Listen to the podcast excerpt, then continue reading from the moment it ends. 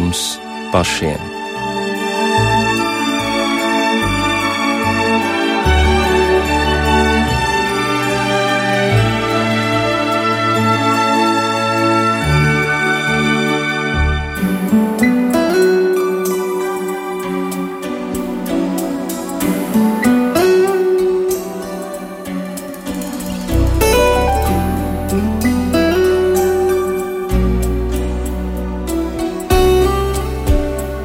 Labvakar! Studijā Rīta Bružēvica skan raidījums pāri mums pašiem.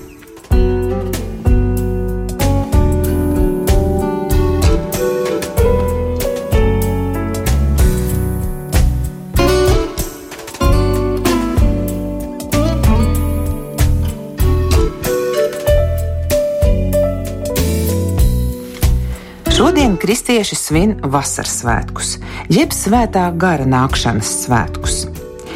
Par to ir rakstīts apakstuļu darbos otrajā nodaļā, un es šo notikumu jums gribu nolasīt. Kad vasaras svētku diena bija pienākusi, visi viņi bija kopā Jeruzalemē un piepeši no debesīm nāca rūkoņa, it kā stipra vēja plūsma, un piepildīja visu māju, kur tie sēdēja. Un viņiem parādījās mēlis, it kā no uguns, kas sadalījās un nolaidās uz ikviena no viņiem. Un visi tika svētā gara piepildīti, un iesāka runāt dažādās valodās, kā svētais gars deva viņiem izrunāt. Bet Jeruzalemē dzīvoja jūdi, dievbijīgi vīri no visām tautām zem debesīm. Kad šī balss atskanēja, daudzi sanāca kopā un apjuka, jo ik viens dzirdēja tos runājam savā valodā. Un visi samulsa un brīnījās, sacīdami: Lūk, vai tie visi, kas runā, nav galilejieši? Un kā mēs ik viens dzirdējām savu valodu, kurā mēs dzimuši? Mēs dzirdējām viņus mūsu valodās, sludinām Dieva lielos darbus. Citēju apakstuļu darbu otro nodaļu. Šī nav pirmā reize, kad Bībele stāsta par svēto garu. Piemēram, Jāņa evanģēlijā ir daudz kas jau par viņu rakstīts. Kas mums ir atklāts par svētās trīsvienības trešo personu? To vaicāšu Valmīras vasaras svētku draugu atklāsmi mācītājam Andrijam Vatuļinam. Labvakar!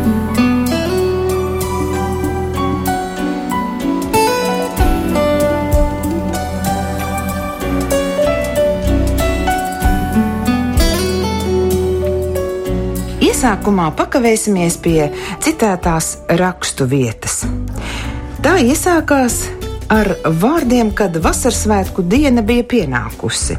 Viņi visi bija kopā Jeruzalemē. Tātad tā ir kāda svētku diena, kas pulcēja kopā ļaudis Jeruzalemē Kas tie bija par svētkiem, kur ir nosaukti par vasaras svētkiem? Mūsu valodā tas skan vasaras svētki. Patiesībā tas nav precīzs nosaukums, jo um, latviešiem vasaras svētki asociējās ar kaut ko citu. Tāpēc jau pats nosaukums nav precīzs un tāpēc grūti citreiz saprast, par ko iet runa. Ebrejiem tas uh, saucās šabuot vai 50. dienas svētki. Par to ir rakstīts 23. nodaļā, 3. mūža grāmatā, smalki aprakstīts, kā tur, tur viss tas notiek, bet tiek uzskatīts, ka tieši šajā dienā Mūzus ir nonesis no kalna baušļus tad, ebreju tauta šajā dienā visu pirms svinēja, tā bija baušļu diena, dieva vārda svētki. Tādi bija. Un, ziniet, es biju vairākas reizes Izrēlē un redzēju, kā tur svina, tur iznes to grāmatu, to toru, iznes ārā, vienalga kādā pilsētiņā un apkārt sinagogai vai apkārt pilsētiņai. Cilvēki priecīgi, skaļi dziedot un baudot šo laiku, priecājās. Tad, tad tas laiks tiešām ir svētku laiks ebrejiem, un viņi svin tieši Toras vai baušļu saņemšanas dienu. Tā ir ļoti svarīga diena ticīgiem cilvēkiem. Bet šeit uh, ir vēl turpinājums tam, ko Mūzes ir nonesis.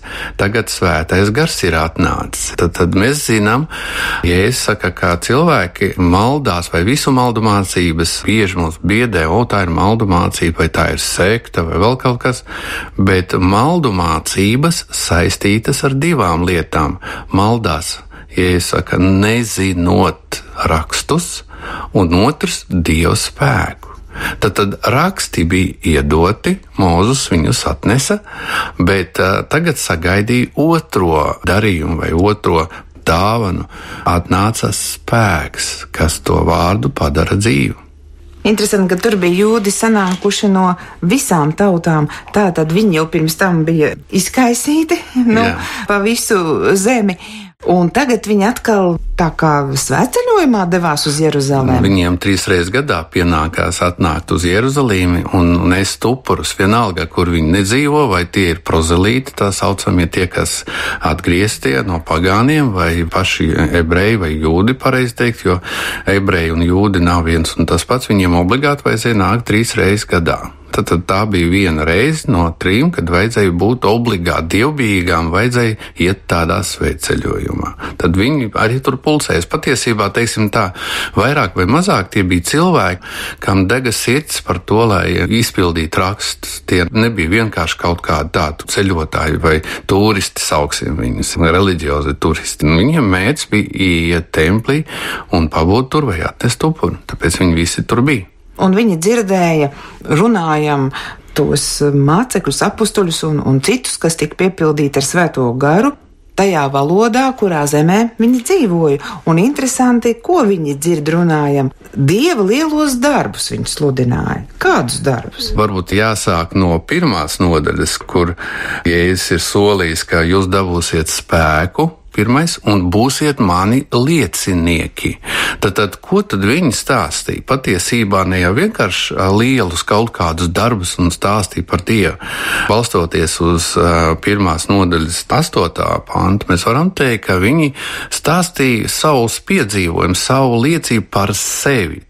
Tieši tas arī saucās uh, liecināšana. Ne jau mēs stāstām tur, nu, tas arī var būt par baznīcu, par ticību kā tādu, bet uh, šīs vārds taisnā nozīmē apzīmē tieši personīgas attiecības Dievu. Tas nozīmē, viņi dažādās mēlēs vai valodās ir stāstījuši par to, kas ir noticis tieši viņu personīgajā dzīvē, kā liecība par Kristu tieši.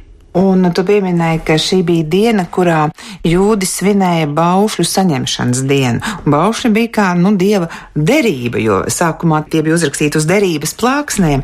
Tad iznāk, ka šeit, kad nāk svētais gars, atkal tiek kāda derība dota. Dievs atjauno derību vai turpina? Pareizi teikt, viņa palika par dzīvu. Ja tad jau bija vairāk kā burts, kas rakstīts uz akmens, un Dieva vārdā mēs redzam akmens sirds arī cilvēks sirds. Varbūt ir cilvēki, kas ļoti brīnišķīgi zina Bībeli, viņi no galvas var citēt veselas vietas, bet viņi netic tam, ko viņi saka, un, diemžēl, jābūt godīgām. Ir arī kalpotāji, pat mācītāji. Es esmu dzirdējis dzirdējis tādus vārdus, viņi netic tam, ko viņi māca citus. Tas, ko viņi zina, nepadara viņu ticību par dzīvu. Tā ir problēma arī tajos laikos patiesībā, kāpēc bija Kristus sists pie krusta, tie bija cilvēki reliģiozi, kas brīnišķīgi zināja dievu vārdu, bet viņi tam neticēja. Šodien ļoti daudz cilvēku kaut ko zina par dievu, bet tā nav dzīva ticība. Tur bija tā problēma. Ja? Tad šodien mēs varam salīdzināt ar tiem laikiem, ka šodien arī vajadzīgs svētais gars, lai tas, ko es zinu par Dievu, paliktu par manas dzīves būtisko daļu. Tas ir svarīgi. Tas jau saucās ticība. Ne jau tas, ka es piederu kaut kur un zinu kaut ko, bet tieši kā es dzīvoju, kas ir manā sirdī. Tad, tad tur bija uz plāksniem rakstīts, uz akmens, un nāca svētais gars, kas tos burtus vai tos vārdus padarīja dzīvus cilvēks viņus saprata un varēja izpildīt. Bez svētā gara tas nav iespējams.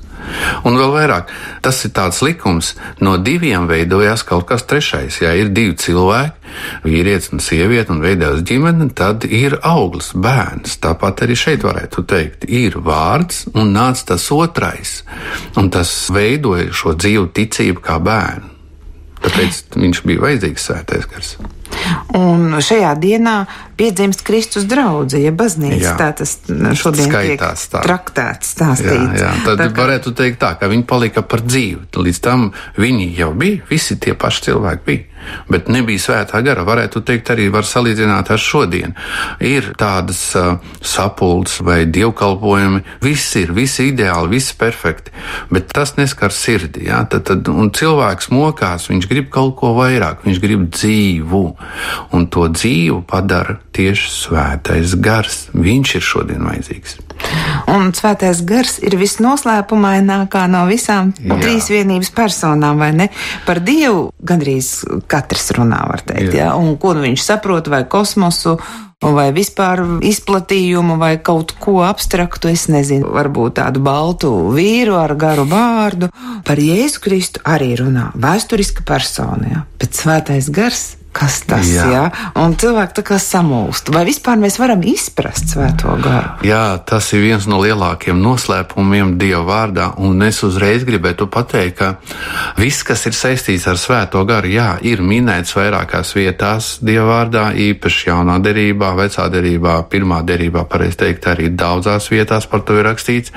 Bet tas ir atstāts varbūt nosacīti kā noslēpums. Tas ir atstāts personīgām attiecībām. Neviens, ja veidojās normāla ģimene, es nerunāju par tādu ģimeni, kas nu, vienkārši kā tas draugs un draudzene dzīvo, bet tad, kad veidojās ģimene, vīrs un sieva, līgavaina un līgava, līgava viņi līdz galam nesaprot, uz ko viņi iet. Neviens no šiem jauniem, varbūt vai no gados cilvēkiem, ja viņi nebija precējušies, viņi nesaprot, kas ir priekšā. To var tikai pateikt tad, kad tas ir izdarīts. Tā ir jau pieredze, tā ir prakse. Viņi var pastāstīt kaut ko par ģimeni, bet kas tas ir līdz galam, neviens nezina. Tad, tad tas ir tas pats. Svētais gars ir Dieva personība, bez šaubām, bet viņu var iepazīt tikai praktiskā veidā. Un tas ir uh, tīri individuāli. Nav divu cilvēku, kas varētu vienādi pastāstīt par svēto garu. Tāpat kā nav divu cilvēku vienādi, kas garšu var aprakstīt kāda vai krāsu vai vēl kaut kādas jūtas. Katram mums ir tīri individuāls lietas. Tāpēc svētā gara pieredze vai apraksts, varētu teikt, ir pieejams tikai praktiķiem, un tas tā ir atstāts Dieva vārdā. Ja kāds cilvēks visu zina par svēto garu, īpaši tādu lomu, tādu zinātnieks, tur viņš viņam kaut kāds grādi varbūt ir tieši teoloģiskie, un ja viņš saka, ka viņš visu zina par svēto garu vai kaut ko zina, tad tā nav taisnība. Diemžēl Tā ir praktiska lieta, un to var zināt jebkāds bērns, pieaugušais, vecs cilvēks, izglītots, neizglītots. Tas ir pieejams tāpat kā, lai apprecētos, nevajag izglītību. Tas ir vienkārši dabiskā lieta, tāpat arī šeit, lai iepazītu svēto garu, vienkārši jāgrib, jāsauc. Un tad katram ir savu pieredzi un prakse. Skaidrs, ka tas notiek, tad uzreiz tas sakrīt ar, ar rakstiem kā viņš darbojas, bez šaubām. Tur uzreiz atklājās vārds, viņš paliek dzīves, bet bez prakses neviens nevar pastāstīt par svēto garu. Tāpēc tas ir saukts par noslēpumu. Bet tas noslēpums ļoti viegli un vienkārši tiek atklāts cilvēkam, kas to grib personīgi. Kad Dievs radīja cilvēku, viņš cilvēkā iepūta dzīvības dvašu, un svētais gars ir arī dzīvības gars. Vai nevarētu būt tā, ka cilvēks jau no dzimšanas to saņem? Tā kā dzīvības daļu neapšaubām, viss, kas ir radīts, radīts svētajā garā. Tas ir rakstīts pirmā mūsu grāmatā, pat pirmajā nodaļā, pirmās pāntos. Tur rakstīts, svētais gars lidinājās. Originālā valodā metās uz zemi izpildīt tēvu vārtu. Tad, tad viņš ir tas, kas veidoja to visu. Tad, tad katrā vispār viss ir dzīves. Runāsim tā, viss, kas ir veidots, tad, tad svētais gars to darīja, tad tas viss ir dzīves, visa radība, lai teica to kungu. Ne jau tikai cilvēku, viss. Tad, tad cilvēks tajā skaitā daļa no pārdabiska, teiksim, dieva vašas ir katra radījumā un it īpaši cilvēka. Tas ir pasvītrots vai atklāts īpaši tiešā veidā. Tāpēc tas dzīvības līmenis, tā kā mēs te runājam arī par to, kā vārds paliek dzīvs ar svēto garu. Dzīvība ir katrā cilvēkā. Un patiesībā nevienam nevajag stāstīt par to, ka ir dievs vai nav. Tas ir ielikts pārdabiski katrā cilvēkā, tāpēc ka viņš ir dzīvs. Tas ir pirmais līmenis, kas tiek katram cilvēkam. Tas ir fakts. Tā atziņa par svēto garu ir katram. Nu jā, tāpēc, ka mēs esam dzīves būtnes ar šo dvašu, un mēs to neredzam, bet tā ir realitāte. Un tieši tāpat arī ar, ar svēto garu. Mēs viņu neredzam, bet tā ir realitāte. Jā, viņš ir tuvāks par jebkādu, jā, pateiksim, Kristu vajadzēja meklēt un miesā staigāt viņām līdzi, bet uh, svētais gars ir visur. Tāpēc Dievs svētais gars ir pieejams no jebkādas vietas, jebkāda līmeņa cilvēka. Teiksim, tā, tā ir Dieva būtība kā tāda, Dieva mīlestība kā tāda, kura ir lietojama, pieejama katram cilvēkam, katram radījumam. Vienā no savām svētdienām tu teici, ka Jāņa evanģēlijā ir daudz atklāsmju, kas ceļ mūsu garu. Un vai var apgalvot, ka šis evanģēlijs vispilnīgāk atklāja svēto garu? Jā, tas ir skaidrs, ka mans viedoklis var viņu apstrīdēt, bet katram jābūt savam viedoklim. Ja kādam cilvēkam ir ticība, tad viņa ir individuāla.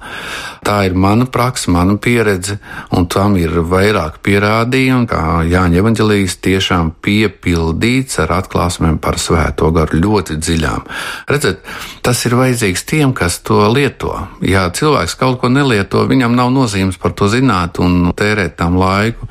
Ir atklāsmes par grēku grēku, tur atklāsmes vēl kaut kādas lietas par pēdējiem laikiem, piemēram. Ja, bet, kad cilvēki grib zināt par svēto garu, tad tiešām viņam atklājās visvairāk Jāņa evanģelē. Jo apostols Jānis varētu teikt, visvairāk bija svaidīts ar svēto garu.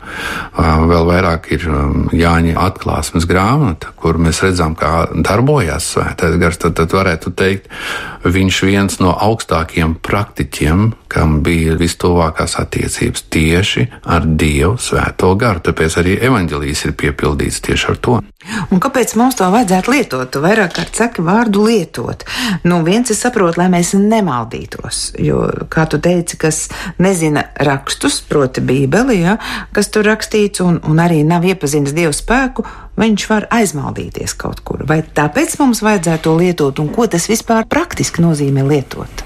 Es esmu lasījis un skatījies vienu filmu par nirējiem. Ir tādi cilvēki, kas ienirst un var aizturēt elpu 15, man liekas, ka bija viens pat līdz 20 minūtēm. Ziniet, kā viņš to, viņš nepiedzīva tāds. Viņš piedzīvo par parastu cilvēku, bet tas ir indietis, viņš pērlis lasa, un viņam tas ir darbs. Un no bērnības viņš sevi praktizēja, un viņš tāds palika. Ziniet, svētos gars aptuveni tas pats stāvoklis var ienirt un var praktizēt, un jo tu dziļāk, jo tev tā elpa aizturās vēl ilgāk, tev pieredze vēl lielāka. Tāpēc varētu teikt tā, viņu vajag lietot. Tāpat kā mēs elpojam, tāpat arī vajag lietot lietot šīs attiecības ar svēto garu. Un tā ir tāda saudabīga prakse, kur jābūt uzmanīgām, dzirdēt tādu vārdu, jābūt pat džentlmenu, nedrīkst pielaist kaut kādu rūpību. Un interesanti, ka ebrejiem svētais gars ir sieviešu dzimtes. Un, ja mēs skatāmies, tad tieši ģimenē sieva ir tā personība, kurai pievērš vīrs visvairāk uzmanības, un viņam jābūt ļoti korektam pret savu sievu, tāpat arī pret svēto garu. Tad, tad lietot attiecības ar svēto garu, tas ir pirmais sākt klausīt savu sirdi, savu sirdsapziņu, pat ir tāda saucamā intuīcija, tas ir viss tas, kas ir cilvēka garā. Un tad lēnām tas process palielinās. Un tad, kad cilvēkam jau ir zināma pieredze, tad svētais gars var atklāt lielākas lietas, bet parasti viņš arī parāda to caur vārdu, caur bībeli, kur tas ir rakstīts, kā tas saucās, kā tas var palīdzēt manā dzīvē. Jo varētu teikt, tas ir tāds īpašs spēks, dzīvības spēks. Jo vairāk svētā gara, jo vairāk kristīgās vai ticīgās dzīvības. Un Bībelē jau ir sarakstīta svētā gara vadīta. Tikai. Nu, viņš cilvēkus vadīja, nu jā. jā. Un es tā domāju, lasot Bībeli, nu, protams, ka mēs daudz ko nesaprotam tur. Un tad kaut kā es savās domās lūdzu svēto garu, lai viņš man palīdz saprast. Un man šķiet, ka tas arī ir ļoti svarīgi. Jā, bez svētā gara mēs varam zināt. Tas ir tīri pēc prāta. Un cilvēks, kas daudz zina, runāsim godīgi, un Dieva vārds atklāja, šie cilvēki paliek lepni. Lepni cilvēki, viņi ir augstprātīgi pamatā, viņi ir tādi, kas sev nostāda augstāk par citiem praktiķi, piemēram, ja viņš ir labs ārsts, piemēram, ķirurgs, es esmu runājis ar vairākiem uh, doktoriem, teiksim, visiem vajadzīga intuīcija, kad viņi klausās, kas ir viņu sirdī. Iedomājieties, tā ir viņu praksa. Bez šīs intuīcijas būtu ļoti daudz bēdīgu rezultātu. Tad, tad viņiem ir sava praksa, kā, kā nu, veidot attiecības ar pārdabisko. Skaidrs, ka tas pārdabiskais un ir tas svētais gars. Un ir līmenis, kad cilvēks cilvēki pie svētā gara nāk caur Jēzu Kristu. Tas ir daudz augstāks līmenis nekā intuīcija un sirdsapziņa. Patiesībā svētais gars padara mūs par stipriem šajā pasaulē, un viņš ielēs spēku, mieru, ne tikai mierinājumu, bet miers ir tas, kas nāk pēc uzvaras. Jāsaprot, kas ir miers. Miers ir stāvoklis pēc uzvaras, un tieši šo uzvaru dod svētais gars. Un tad, kad cilvēkam ir skaidrs, viņam ir atbildi uz viņa jautājumu, tā jau ir uzvara, un tad cilvēkam nu, tiešām iestājās miers. Citiem varbūt ir kaut kādas problēmas, viņi uzbudināti cilvēkam, kam ir atbilde. Viņš ir mierīgs, viņam ir spēks dzīvot. Un svētā gara tiešie uzdevumi ir, cik es atceros, pārliecināt par grēku. Viens aspekts par debesu valstību. Un par. Un Jā, par, nu, par tiesu, ja, jā, tas jā, būtu uzvar. Varbūt varam mazliet vairāk par to parunāt. Tātad, tu teici, jā, ka miers nāk pēc uzvaras, pēc tā, kad problēmas ir atrisinātas. Bet problēma pamatā tur jau atkal ir kaut kāda sakne, un droši vien, ka tur ir tas saucamais grēks. Kāpēc tad ir problēma? Nebūtu grēka, nebūtu problēma. Tā ir. Jā, nu, tas ir rakstīts 16. nodaļā, tajā pašā Jāņa evanģelijā. Tāpēc es uh, klausos vairākas svētrunas un godīgi teikšu, ka šo evaņģēlīju visretāk lieto arī sludinātāji, tāpēc ka viņu var lietot tikai praktiķi. Un, ziniet, tur ir rakstīts tiešām, ka ir trīs lietas, kuras nāks, nāks svētais gars, un viņš atklāja. Un pirmā lieta ir atklāsme par grēku. Un grēks uzreiz atklās ne jau vienkārši kaut kādas sliktas darbības, bet pat grēka sakne - neticība Kristum. Viss. Tad, tad dēļ tā, ka cilvēks kaut kur netic, dievam, ka dievs ir labs, piemēram, ka dievs var, tagad tāds vārds populārs, izrullēt situāciju, viņš var dot uh, kaut kādas pozitīvas lietas, jo mūsu prakse visbiežāk balstās uz bailēm, uz negatīvas prakses. Negatīva prakse veido baiļu sajūtu, un cilvēkam grūti pieņemt Dievu kā tādu labvēlīgu, pozitīvu personību pret sevi. Tāpēc, ka viņš visu dzīvi no bērnības, cik cilvēks sev atcerās, viņam visu laiku kaut kur bija problēmas. Bet tas problēmas, jāsaprot, Dieva vārds atklāja, ir saistīts tikai ar vienu iemeslu - grēks, neticība Dievam. Ja mēs kaut kur būtu stipri ticīgi cilvēki, tad tā problēma mums vienkārši nepieskartos un viņas vienkārši nebūtu. Bet, ja viņi pat būtu, viņi mums nekaitētu. Tas ir Dieva apsolījums. Tad, tad varētu teikt tā, atklāsme par grēku, tas ir starts attiecībām. Un, kad Dievs atklāja grēku, tas nav nosodījums. To vajag saprast. Daži cilvēki baidās no baznīcām un pat iet turien, ka tur tev nosodīs nosodīs, kā tu izskaties, kā tu dzīvos, un tā tālāk tie pareizie, tie svētie ar spārniņiem aizmugurē. Viņi visu zina kā pareizi, un tagad viņi man nosodīs. Patiesībā varbūt kaut kur tā ir, bet Dieva priekšā tā nav. Dievs ir ieinteresēts mūs atbrīvot no sāpēm, jo tur, kur grēks, sauksim savā vārdā tās lietas tur ir sāpes. Ir fiziskas sāpes, ir morālas sāpes un ir pat garīgas sāpes. Tad, tad, tad kad mums sāp, Varētu teikt tā, jāmeklē, kāpēc aiz tā, aiz visām, visām, visām sāpēm aizmugurē atradīsiet sakni, kas saucās grēks. Un grēks ir neticība Dievam. Viss ļoti vienkārši. Un svētais gars palīdz aizrakties līdz tam pirmavotam, kas mani sāpina patiesi. Jo ir lietas, kuras izskatās tādas, tas un tas man būtu nauda, es labi dzīvotu. Bet tas neko nenozīmē. Ja cilvēkam daudz naudas un viņi ļoti grūti dzīvo, ja, viņiem izjauktas ģimenes, nelaimīgi cilvēki. Tā kā arī šeit, kur ir pati sakne, kāpēc man ir slikti, un tur var palīdzēt tikai svētais gars. Tāpēc jābūt tajā vietā, ne jau vienkārši iet uz baznīcu, jā, tas ir centrs, kur vajadzētu būt, bet nevienmēr tas tā ir. Tāpēc jāmeklē attiecības ar Dievu pašu, kas palīdz visu pirms ieraudzīt šo kļūdu, un otrs, viņš, ja viņš parāda tā kļūdu, viņš arī obligāti parādīs ceļu, kā to risināt. Tas viss iet kopā. Nav tā, ka Dievs ar pirkstu vienkārši iebaksta mūsu rētās un saka, tu esi tāds un tāds grēcinieks, es tevi negribu redzēt. Patiesība ir pilnīgi pretēji. Dievs ieinteresēts tādas pieņemt, jo Kristus arī visu pirms bija kontaktējies ar netikliem, muitniekiem, ar kritušiem cilvēkiem, bet tikai ar tādiem, kas gribēja dzīvot savādāk. Viņiem kaut kas neiznāca, viņiem kaut kur bija kļūda. Un tās sāpes bija tādas, ka viņi meklēja risinājumu dievā. Un tad viņš viņiem palīdzēja. Tieši tādas viņš dziedināja, augšām cēla, palīdzēja arī garīgi un veseliski, parādīja viņiem risinājumu. Visus viņš redzēja, kam ir grēki.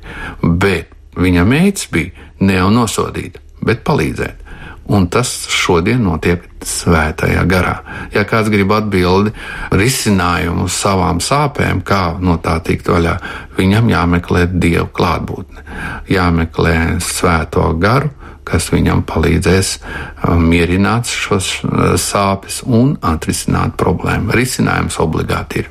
Svētā gara apzīmējums arī Bībelē ir kā mierinātājs, vai ne? Jā, mierinātājs, jā, bet, nu, ziniet, ir tāda, nu, gan jau būs labi, un tad labi jau beidzās, tā kā atkal ārsts saka, pacientam palika labāk, viņš pārstāja elpot, tas nav tas mierinājums. Mierinājums ir cits, mierinājums ne jau tad, kad pārstāja elpot, bet otrādi, kad tu jau elpo pilnām krūtīm, kad tev ir veselība, mums tas ir vajadzīgs, mums tādu dievu vajag vajag. Bet ne jau vienkārši mierināt, gan jau būs labi, debesīs tu nomirsi, un tad tev būs tur labi. Tad nevajadzēja Kristum nākt uz zemi. Visi nomirt un visi nāktu pie viņa. Viņš taču nāca uz zemi palīdzēt tādiem kā mēs. Tad varētu teikt, ir risinājums arī šeit uz zemes. Diemžēl tiešām ne katrs kalpotais vai mācītājs, kur mēs meklējām šo atbildi, mums var palīdzēt. Bet uh, ceļu parādīt, kā to atrisināt, to gan Jā, viss, kas ir uz zemes, negatīvs, izraisa sāpes, tam visam ir arī šeit, uz zemes, risinājums. Tas savādāk nevar būt. Tas ir likums. Ja kaut kas ir uz zemes, tad ir pozitīvas zemes lietas un negatīvas. Ja ir slimība, ir veselība, ir uzvara par slimību. Ja ir sakāve, ir uzvara. Tad, tad, ja man ir kaut kādas problēmas tieši šeit uz zemes, jā, debesīs tur nebūs problēma, tur viss ir brīnišķīgi. Bet man taču vēl jādzīvo, es netaisīšu pašnāvību.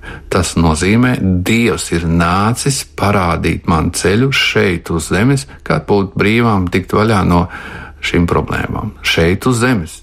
Tas jādara tagad, ne jau tikai nākotnē.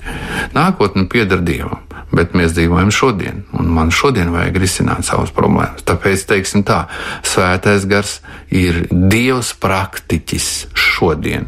Tas, ko darīja Kristus 2000 gadu atpakaļ, un viņš nāk atpakaļ, tagad uh, drīz mēs viņu sagaidīsim. Jā, viņš bija un viņš nāk, svētais gars ir To vajag saprast. Viņš ir tas Dievs, kas ir uz zemes. Kristus uzgāja debesīs. Viņš ir pie tēva labās rokas. Viņš nav uz zemes. Tēvs nav uz zemes. Bet Dievs svētais gars ir šeit. Tas nozīmē, Šeit ir izcinājums. Ar viņu jāveido attiecības. Tāpēc arī šie svētki ir īpaši priekš cilvēkiem, kas meklē attiecības ar šo dievu personību, ar svēto garu. Tas ir mums atgādinājums meklē, un tev tiks dots, un to dara ne jau Kristus, to dara svētais gars. It kā nav liels starpības, kas vai tas vai tas, bet runāsim atklāti. Jā, ir ģimene, un man palīdz ģimenes galva. Es saku, man šīs vīrietis ir palīdzējis. Bet, ja man palīdz viņa sieva, es saku, man palīdzēja viņa sieva. Man tur pabaroja, man tur vēl kaut ko. Viss, es saku, kas konkrēti no šīs ģimenes man palīdzējis. Tāpēc es tam cilvēkam varu personīgi pateikties, tāpat arī ar Dievu. Jā, viņi visi svarīgi, bet svētais gars ir šeit. Viņš ir šeit uz zemes. Tad, nu, noslēpums viņš ir tikai tiem, kas to negrib zināt. Vai mēs arī varam lūgt svēto garu? Nu, savu lūgšanu Jā. viņam adresēt. Tas parasti ir vismūsinošākais. Kā mums savu lūgšanu strukturēt? Jā, kā izveidota, piemēram, ģimene. Ņemsim tādu piemēru. Ir ģimenes galva, tēvs, ir viņa sieva un ir viņiem bērns. Un tagad, ja mēs gribam kaut kādu risinājumu, ja viss pareizi šajā ģimenē salikts, kas ir ģimenes galva? Nu, šodien saka, mums ir viss ir vienādi, un sieva un var, nu labi, bērns arī var, ja sieva var. A, ja viņam ir divi gadi, papras viņam naudiņu, lai viņš atnes no ģimenes maciņa naudiņu tev iedot. Vai tas ir pareizi? Bērns var tā rīkoties? Nevar. Labi, bet tad ir savi ierobežojumi arī sievai ģimenei. Tad kas ir galva? Tēvs. Un ja es prasu sievai, tad būtu pareizi viņai aiziet pie vīra un jautāt, vai tam cilvēkam var palīdzēt vai nevar. Un ja es prasu bērnam, viņš arī ģimenes daļa. Tas ir bērns, tas ir daļa no ģimenes. Ja es viņam prasu palīdzību, Viņš pats var rīkoties, viņam jāaiziet pie tēva, varbūt arī pie mammas, un jāuzprasa, vai es varu tam onkulim kaut ko iedot vai palīdzēt. Tas ir pareizi. Tad, tad, ja es lūdzu Kristu, tas jautājums būs pāradresēts tēvam.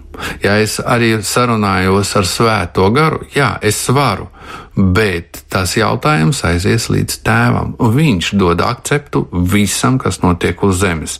Varētu teikt, jā, var kontaktēties ar Svēto garu, sarunāties, viņš var atbildēt uz jautājumiem, viņš var mierināt, viņš var dot jūtas, bet ja man ir varbūt pat teiksim tā praktiski kaut kādi jautājumi, tas nāks vienalga ar tēvu. Tas ir tāpat kā ģimenei. Ļoti vienkārši. Jā, es varu runāt ar jebkādu ģimenes locekli, bet ir tas, kas akceptē risinājumu. Tālāk, domājot par svētā gara funkcijām, viņš ir arī aizstāvis, jā, saukts par aizstāvi. Ko viņš aizstāv? varētu teikt, viņš vairāk pārstāv. Viņš pārstāv debesu valstību šeit uz zemes, un viņš pārstāv reāli mūsu tēvu priekšā. Tad, tad viņš ir tas, kas varētu teikt, ar sevi piesedz visu radījumu. Viņš to savā spēkā ir radījis, viņš pie tā piedalījies. Katrs bērns, interesanti, var paskatīties, kā tiek ieņemts bērns mātes miesās. Ja? Interesanti, kad sajiet kopā divi parādās dzīvībā. Tas nozīmē, viens ir kā nu, teiksim, radījums un otrs radījums, un tā sēkla iet un parādās jauns radījums, ko mēs arī varam saukt par cilvēku. Dievs svētais gars iet un paliek par cilvēku jau mātes miesās. Tad viņš ir aizstāvis pārstāvs visos jautājumos patiesībā. Viņš ir visur, viņš piepilda visumu visur, un īpaši tas ir svarīgs cilvēkam. Skaidrs, ka viņš ir aizstāvs arī nu, tādos gadījumos, kad man vajadzīga piedošana, kad man vajag tādu mierinājumu manām sirdīm, kā es esmu piedots, un tagad mans grēks, mana netaisna rīcība nebūs kaut kur atgādināta un nenāks prātām ne man, ne dievam. Tad, tad atkal tur darbojās svētais gars. Aizstāvs pret ļaunumu, arī var pateikt, ka viņš taču ir Dievs šeit uz zemes. Un šeit ir gan eņģeli, gan dēmoni, Dieva valstība ir uz zemes, un arī sātana valstība arī. Un tad sātans ir vai dēmoni ir stiprāki par jebkādu cilvēku neaptverami.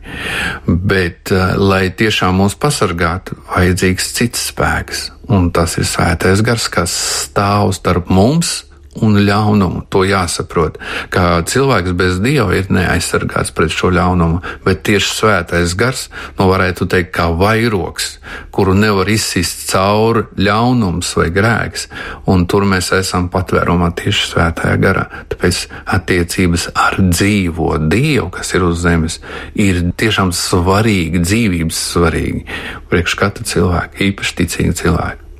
Tu teici, ka svētais gars palīdz mums saņemt atdošanu. Savukārt, vienīgā lieta, kas netiek piedota mums, ja mēs kaut ko runājam vai grēkojam, pareizāk sakot, pret svēto garu. Nekad netiks piedota, no tas skan šausmīgi. Kas ir jāizdara, vai pareizāk sakot, ko mums ne, nekādā gadījumā nedarīt, lai mēs nesaņemtu šo vārdu realitāti savā dzīvē? Interesanti, kā ģimenes eksistence attiecības starp vīru un sievu, tā ir atkal tāda noslēpuma šaumaina, intīma lieta, un tur nevar būt trešais. Ar ko var salīdzināt tieši šo grēku? Tas ir, varētu salīdzināt ar laulības pārkāpšanu. Tad, tad laulības pārkāpšana sagrauj ģimeni uz nulli, un ja tur kaut kas ir, tad vajag atjaunot no jauna. Tieši tāpat arī ar svēto garu. Diemžēl šodien ļoti daudz rūpīgi pret tieši svēto garu. Kā to saprast? Kur ir tā kļūda vai kur? Kur mums jābūt ļoti uzmanīgiem. Ir ļoti daudz cilvēku, kas savā neziņā palaiž kaut kādas vārdus pret kādu citu ticīgi cilvēki, pret kādu draugu konfesiju, un viņi uzskata, ka viņi tagad ir speciālisti par garīgām lietām. Un tur ir ļoti bīstama zona, īpaši, ja cilvēks nezina, kas tas ir rakstīts. Kristus saka tā, viss būs piedots, ja runās kaut ko pret debes tēvu būs piedots. Ja pat runās un zaimos Kristu un sliktus vārdus runās pret viņu, tiks piedots. Bet ja cilvēks runā pret svēto garu, nekad nevar saņemt atdošanu. Tas nozīmē, ka, jā, ja mēs gribam būt piesardzīgi, tad tieši šajā jomā, kā to saprast, un tur viņš atklāja uh, tieši par ko iet runa. Un viņš saka, jā, uz svētā gara darbu vai darbību, vai esamību, pasaka, ka tas ir vēlna darbs. Vai tas ir vēlns, tas ir vislielākā, nu, teiksim, rūpība, vislielākie zaimi, kādi var būt pasaulē. Uz dieva darbu pateikt, ka tas ir vēlna darbs. Un, ziniet, šodien ļoti daudz tādu cilvēku, īpaši reliģiozu cilvēku, atļauj sev uz kaut kādu citas draudzes vai citu ticību pateikt, ka tas ir no vēlna. Atvainojiet, tas ir tas definējums, kuru Kristus arī atklāja. Ja tu nezini, ka tas ir no vēlna, labāk tādas lietas nerunāt. Bet, Tas ja tiešām saka, bīstām. ne, nezinot to, um, nu, tā nu, vienkārši spontāni izsakās un domā es, viņš tiešām, kad jā, ir. Teiksim tā, tas atklājās individuāli atkal un uz Dieva vārdu pamata. Skaidrs, ka tas, kas ir pieņems, pieņems Kristu svētajā garā, nekad tā ir rakstīts Jāņa vēstulē, atkal Jānis raksta, nevarēs zaimot Dievu. Viņš vienkārši nevarēs. Viņš kaut kādu rūkumu, vēl kaut ko zaimi, tas ir apzināti. Cilvēks zina, ka tas ir Dievs, bet viņš apzināti dēļ savas konfesijas, dēļ savas baznīcas, viņš apzināti uz to rīcību pasaka, ka tas ir vēlns. Ne jau tā, ka nezinot, nesaprotot kaut ko, tā izpruka kaut kas, bet viņš pārliecināts, viņš redzēja, ka tas notika, viņš zina, ka tas ir no Dieva, bet apzinīgi pasaka uz to, ka tas ir no vēlna. Tur ir tā bīstamā zona. Jā. Tad, tad, ja kaut kas nezinot, nesaprotot, tādas lietas tiek izteiktas, tas varbūt ir pie zaimiem. Par to gan nebūs nekādas sveitības, ja būs tikai problēmas tādām cilvēkam. Bet patiesas zaimes ir tad, kad apzinīgi jau pasaka. Un, diemžēl, tādu cilvēku ļoti daudz īpaši garīdznieki atļauj sev kādu nolādēt. Viņi nezina, kas tur viena konfesija uz citu, viens garīdznieks uz citu, dažādu iemeslu dēļ. Ir vienalga no kādas iemesls, bet ja viņš zina, ka tas ir Dievs, bet viņš runā par to, ka tas ir vēlns, viņš nav glābts viņš nebūs piedots. Un pat ja viņš turpina izpildīt savus pienākumus kā garīdznieks, viņš jau ir miris. Viņš nebūs piedots. Tāda nožēlojama, tas ir uh, lieta tāda, nu, nu tiešām tādam cilvēkam nu, viņš nedrīkst būt tādos garīgos amatos. Tas ir fakts. Pārējie cilvēki, ja viņi nezina un tā runā līdzi, tagad jāpadomā.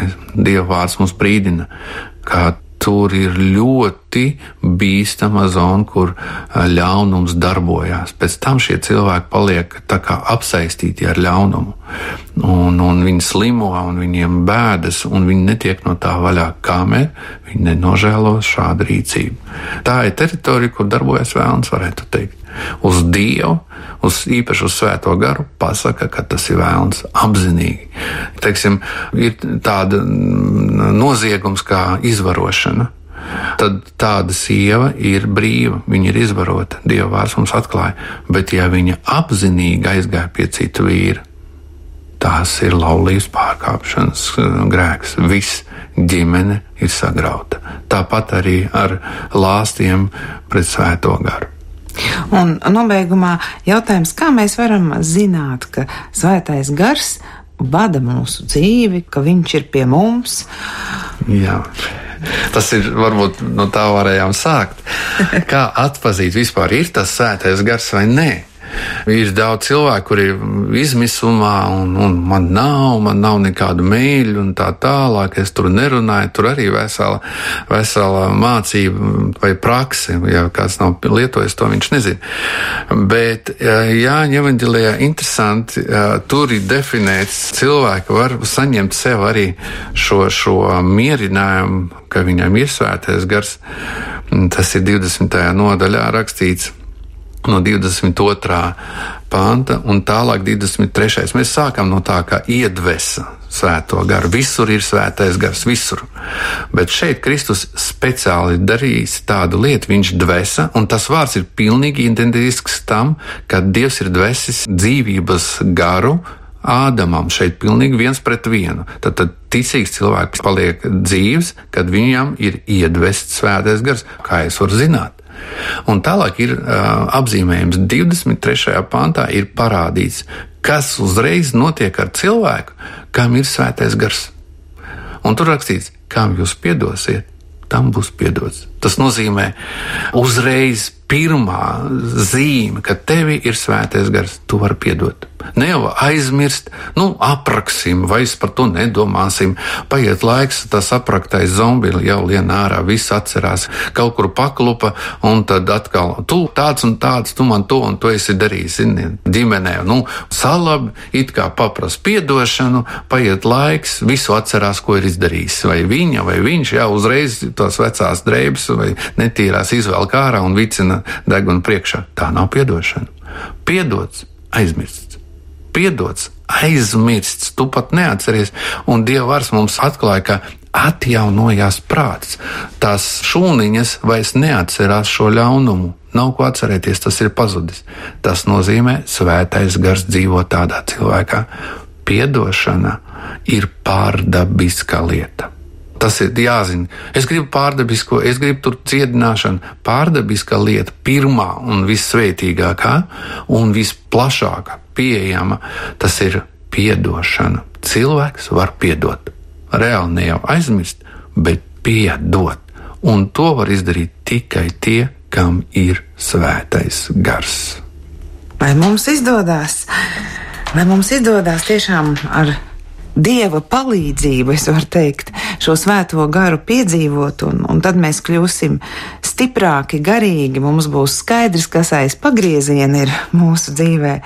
un arī, protams, spēsim veidot labāk attiecības ar apkārtējiem cilvēkiem, piedodot, mīlot, jo svētā gara auglis ir mīlestība. Viņš ir tas, kas izlēja mīlestību mūsu sirdīs, un prieks, un miers, un pacietība. Un... Jā. Bez piedošanas nav mīlestības. Tad, tad varētu nav, teikt tā, nekā... vienu vārdu - vasaras svētki vai pentakostu svētki vai šavot svētki ir piedošanas, pārdabiskas piedošanas svētki. Es kā uzreiz ir mīlestība, miers, saticība un viss, kas ir labs no Dieva, tas ir no svētā gara tieši šajos svētkos caur piedošanu. Saku lielu paldies Valmieras vasaras svētku draudzes mācītājam Andrijam Vatūninam. Šī vasaras svētku draudzes saucas atklāsme, lai mums katram vēl ir daudz atklāsmju par Dievu, par Svēto garu, kas arī veido šos gara augļus. Redzījumu vadīja Rinta Pružēvica. Ar labu!